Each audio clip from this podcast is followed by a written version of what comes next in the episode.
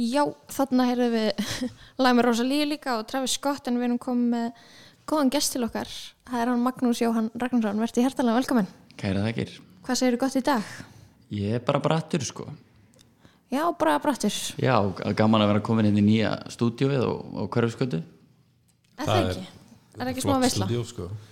Það er svona alltaf koma Algjörlega. Ég hef séð að vera sko. Já, Enda var ákveð, ákveðin krísa sem að skeiði náttúrulega Jú, hjá jú, ykkur. jú. Þannig að þetta er svona bara allt að gerast, eða ekki? Jú, en, uh, en þú varst að út plötu um daginn til hamingi með það. Já, takk fyrir. Tíu laga plata, það er plata, það er ekki EP, það er a whole album. þetta er breiðskífa Þetta er breiðskjafa, jú, er Hvað þýða þessi orð? Uh, góð spurning svona sérstaklega í dag þegar allt kemur svo mikið út á netinu og stundum bara ekki í, neinum hérna raun eintökum neitt, þá, þá, þá eru mörkin svo óskýr, ég meina kann ég veist gefur út sjölega breiðskífur og svo eru einhvern sem gefur út sjölega mixtape eða sjölega EP eða eitthvað, ég held að einu munurinn sé bara hvað þú kallar það sko, eða þú veist svona huglægt gildismat eitthvað. Ég held að upprunulega þá var þetta tengt tíma sko.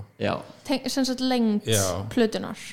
En ég held að það sé orðið þetta er svolítið úrelt koncept kannski bara Já. breiðskífa versus smáskífa og LP sko eh, LP stóð fyrir long play minni mig, ég kalla það ég, Ok. veit, já, ég veit ekki hvað EP stóð fyrir en það var eitthvað svona með náttúrulega þú varst með þá stóra hérna plötu sem var þá kannski einmitt tíu lög pluss mínus og cirka 40 myndur að lengt ég held að mín plata sé einmitt akkurat cirka 40 myndur, 35 eða eitthvað Og þannig að þú mætti með vínilintak. Það er stemmari.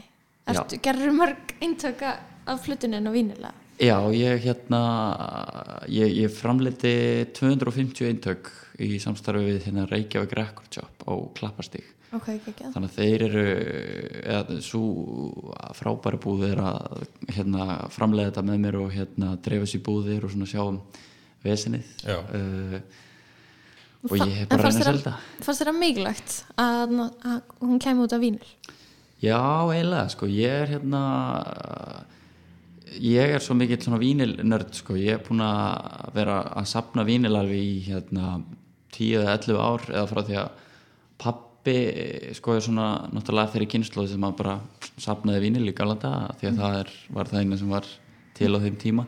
Og svo byrjaði hann aftur fyrir 10-11 árum að hérna þá keifti hann sér aftur plötuspilara og, og svona þegar þetta var að vera trendi aftur. Og þá fór ég hérna með í plötubúðunar og byrjaði að sapna og svona búin að vera að sapna síðan þá og, og já það er svona margar ástæður. Mér finnst náttúrulega vínill einhvern veginn miklu eigulegri heldur en geisladiskur og 100% sko. það er náttúrulega skemmtilegt sound það er meiri aðtöfna að setja á vínilplötu og fara að hlusta á það frá að til lög það er einhvern veginn svona minna minni heila dofi en að vera bara með einhvern playlista í símanum eða eitthvað en Mhm. Byrju, á ég ekki að vera að hlusta á Spotify Daily Mix One sem er búið til fyrir mig? Er það ekki sérimóni eða? Það getur, getur vissilega verið seremoni sko. Ef þú ert með Spotify tengt í alveg svona alvöru græjur heima hjá þér eitthvað svona þá kannski skal ég segja. Að ég er bara með litlu hana iPhone heyrðinsólin, ekki einu svona Og Airpods, já, ég meina það er nú samt sko, ég held að iPhone hernatólinn sé nú samt skári heldur en hlusta bara í símanum sko. á, já, ég myndi segja það en ég meina ég hlusta samt alveg á músík bara úr símanum sko. stundum er ég bara eitthvað blast einhverju meðan ég er að busta tennur eða eitthvað sko. en, þannig að það er ekki Slipknot. Já, Slipknot eða Lamb of God eða eitthvað en heyrðu með plötuna hérna, hún er without listening og það er svona concept að baka hana, eða það ekki Jú, koncept og ekki koncept ég hérna ég hérna eh, það má segja að fyrsta sem fyrsta skrefið í gerð þessara plötu hafi verið það að ég ákvað að uh, forsíðan ætti að vera þetta hús.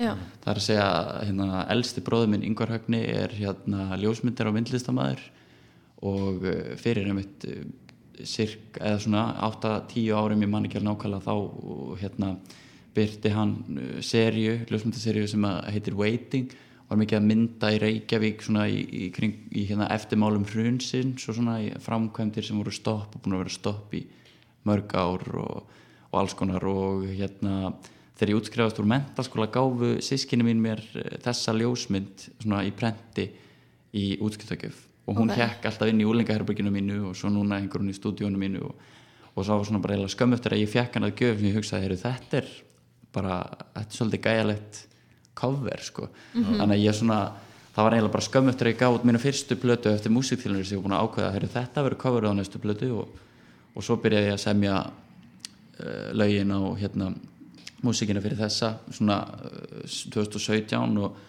og vand aldrei lengi að þessari plötu, ég var svona eiginlega að vinna lögin og semja á tímabilinu svona síðlega árs 2017 allt fram til sumars 2019, þá var hún alveg full kláruð sko. En hún gerir mikið í millitíðinni. Hefur þetta þá bara verið svona eitthvað sem þú varst að vinna í svona meðan þú varst að sinna ímsi öðru?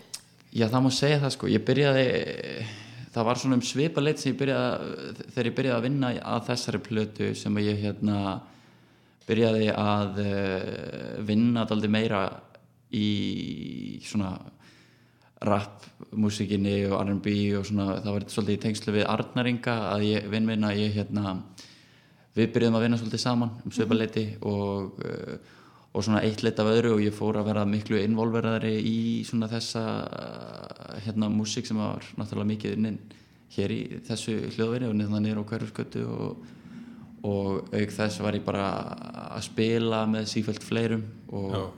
svona hafði meira og meira að gera bara í hérna því að vera starfandi músikant og, og það náttúrulega spilaði hérna inn í af hverju þessi plata var svona lengi í vinslu en það var svona náttúrulega bara ákveðin uh, bjótari í því líka sko, maður væri svona lengi að vinni sem var alltaf að gerjast í alls konar mismunandi tónlist og að- hleypa nýjum og nýjum áhrifum inn og, og, svona, og það var þú veist, náttúrulega ákveðin missjón í sjálf sér líka að, að vera alltaf að gerjast og, og, og, og verða fyrir alls konar mismunandi áhrifum og, vera að vinna í þessu lengi og, og breyta þessu og bæta við lögum og, hvernig að maður ætti að líma það saman í eitt heilsteft uh, samhengi og konsept mm þetta er svona blanda af elektróniskri músík og svo uh, spil, svona hljóðfæra músík sem ég tók upp með Magga Tryggva á trommum og Tuma á sax og svona jazz áhrifum og elektróník og, og, og þá hjálpaði náttúrulega þetta að vera með þetta eina konsept þótt það væri ekki nema bara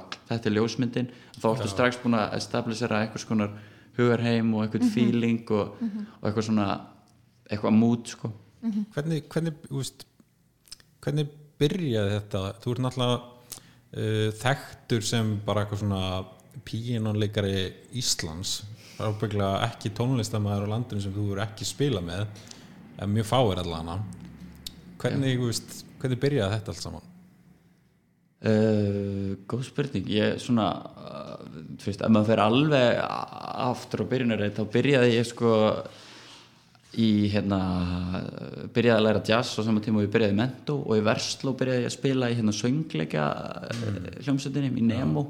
Og það var svona fyrsta hljómsveitin sem ég var í sko. Og í kjölfar þeirrar hljómsveitar þá hérna byrjaði ég í hérna hljómsveit sem var hétt Electric Elephant og svo bara svona í rauninni byrjar þetta allt þar og maður bara var að spila á öllum þessum stöðum, þú veist, íslenska rockbarnum í Hafnafyrði og alltaf á Dillon og Gauknum og bara endalaust á off-venue og, og það var svona svab sama tíma sem ég fór að, að spá í hérna gömlum græjum, svona syntum og orgelum og hljómborðum og, og ég, ég man eftir Electric Elephant já, ég, man, Nice. það Ég hef ekki hýrt um Electric Elephant, því miður sko.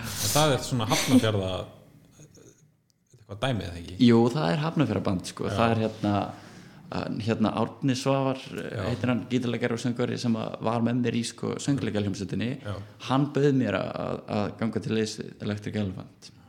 Og, já, Ég er nefnilega sá sko á, á heimasíðunni Mhm. að, þarna- að út í game er svona samplið já. var svona eitthvað svona ákveðum byrjunapunktur Já, svo er það svolítið það. Ég, ég, í gegnum allt þetta svona hljómsveitar bröld kynnist maður fullt af fólki og fer að spila með fleirum og svona og, og svo hérna þegar ég gaf út Pronto sem er svona plata sem ég gerði eftir að ég tók þátt í músiktilunum þá hérna uh, að því að Arnar Ingi áðurnendur hérna uh, hannaði plötu um, umslæðið á Pronto. Einmitt. hann uh, hafði talað um það bara frá því að hann gerði það að hann vildi gera remix af læginu Bullboxer 43 eh, að þá ég var með einhverja hugmyndum að gera kannski svona, byggja eitthvað fólk um að gera remix af plötunni. En svo var það ekkert úr því en Arnar endaði að sampla Bullboxer 43 píanóið og, og búa til út í game. Og svona í kjölfar þess fórum ég og Arnar að vinna mér saman og þá kynnist maður svona, þá kynntist ég honum auðinni, auður og, og hérna fór að vinna mér með flóna og svona og þá bara var þetta nákvæmlega svo þegar maður byrjaði í hljómsveitabröldinu maður kynntist bara fleira og fleira fólki og, og mætti nokkur sinnum og klúraði ekki að málunum og þá var hringt aftur Kekja.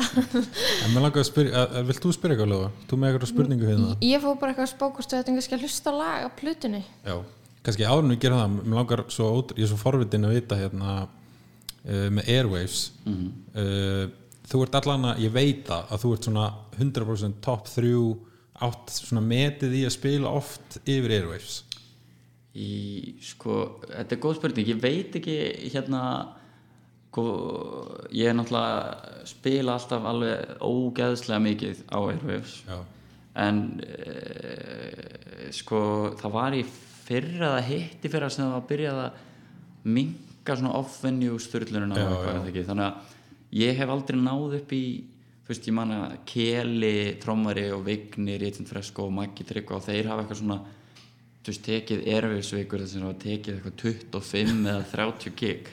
Ég það held ruggla Það er svo mikið. bara á okkur um 5 dögum Já, þetta er náttúrulega bara algjör styrlun Mhm. ég held að mesta sem ég hafi nokkuð til að spila hafi verið kannski eitthvað svona 19-20 gig eða eitthvað sem er náttúrulega líka uh, galið. Já, en ég, ég maður var í hitti fyrir eða eitthvað sem ég byrjaði bara svona þú veist, maður verður svo sjúglega út uh, kerður eftir þetta, bara mánudagurinn eftir Airways er einhvers konar episk þinga sko, bara svona tilfinningaleg og líkamleg. Oh my god, að því eins og í mínu tilfelli þá er ég alltaf náttúrulega að róta svo svakalega miklu. Trommari getur kannski hlaupið á milli staða bara með sneril og symbala en ég þarf alltaf að vera með kannski 2 til 3 hljómborð per gig. Já, og ég á ekkert kannski tvö eintök af öllum hljómborunum þannig að ef ég er að spila 5 gig sama dag og sérstaklega eru þetta kannski veist, hluti af þessu on-venue þá þýðir að maður þarf að rigga upp í soundcheck Já, já. taka niður, næsta soundcheck Ég fá taka niður. kvíða við þetta Já, já. Hvað meinar ég þið? man að ykkur sagði mér að hérna Þetta er svo mikið að ábygglega bara verið keli úr fresko sko, hann, hann sagði við mig að hann hefði sko eitthvað tíma bara verið með driver með sér Einmitt. Sem bara kerðan bara á milli staða og þá var hann akkurat reyndan stundum að vera sniður og, og láta einhvern annan rigga upp fyrir sig og meðan hann var að klára einhverja aðra tónleika sko. Já, ég hef, ég hef gert eitthvað svona sko, látið róta fyrir mig og hjálpa það og þú veist, þetta er náttúrulega algjör martröð þegar ég er eh, að róta rótsljómborinu mínu sem er 70 kíló veist, þá er maður alltaf svona bíli minn er alltaf bara úttróðinn og ég er einhvern veginn leggjandi upp á gangstétt út um allt eitthvað að nota hasardljósiðin eitthvað og hérna fyrir ekki þau getur hjálpa mér að halda hérna á þessu? Er alveg, þetta er algjört kvíðakast sko, en þetta er náttúrulega ótrúlega gaman þess að þessu. En jú, varandi sko kerslu þá er þetta alltaf góð saga frá því í fyrra þá hérna þá uh, var ég að spila með auður í listasafninu og það gig kláraðist og svo átti fimm mínútum síðar eða eh, nei sko það átti að byrja samtímis bara um leið og ég klára með auður þá átti Aron Kahn að byrja í yðnú en ég náði að tvíka því þannig að ég hefði fimm mínúna buffir eða tíu mínúna buffir eða eitthvað. Ok. þannig að ég var búin að ringja þú veist það gæti engin skuttla mér það var eitthvað svona seint að kvöldi á, e- yfir Airwaves helgina ekki margir svo sem, sem var neina að keira mann þá. Þannig að ég var búin að ringja á taxa og byggja hann um að koma bak við listasafnið bara akkurat þegar hérna auður eftir að klára. Og svo var ég að spila hérna síðasta lægið í auðursettinu sem hvítur og tvítur, svaka ballaða og svaka emotion. Og það var bara símum inn farin að teitra og bulla þegar leigupilsturinn er mættur. Að ég bara keiri gegnum það lag, klára það þá hlaupa einn sviðsminnir við hendum dresslinu hún í tösku ég gunna út í bíl og er með kass og hann bara keiri mig beint aftur að hérna, enganginum að yðnó ég stekk út, stekk beint inn á svið og þá var bara talið með Aronni Kahn.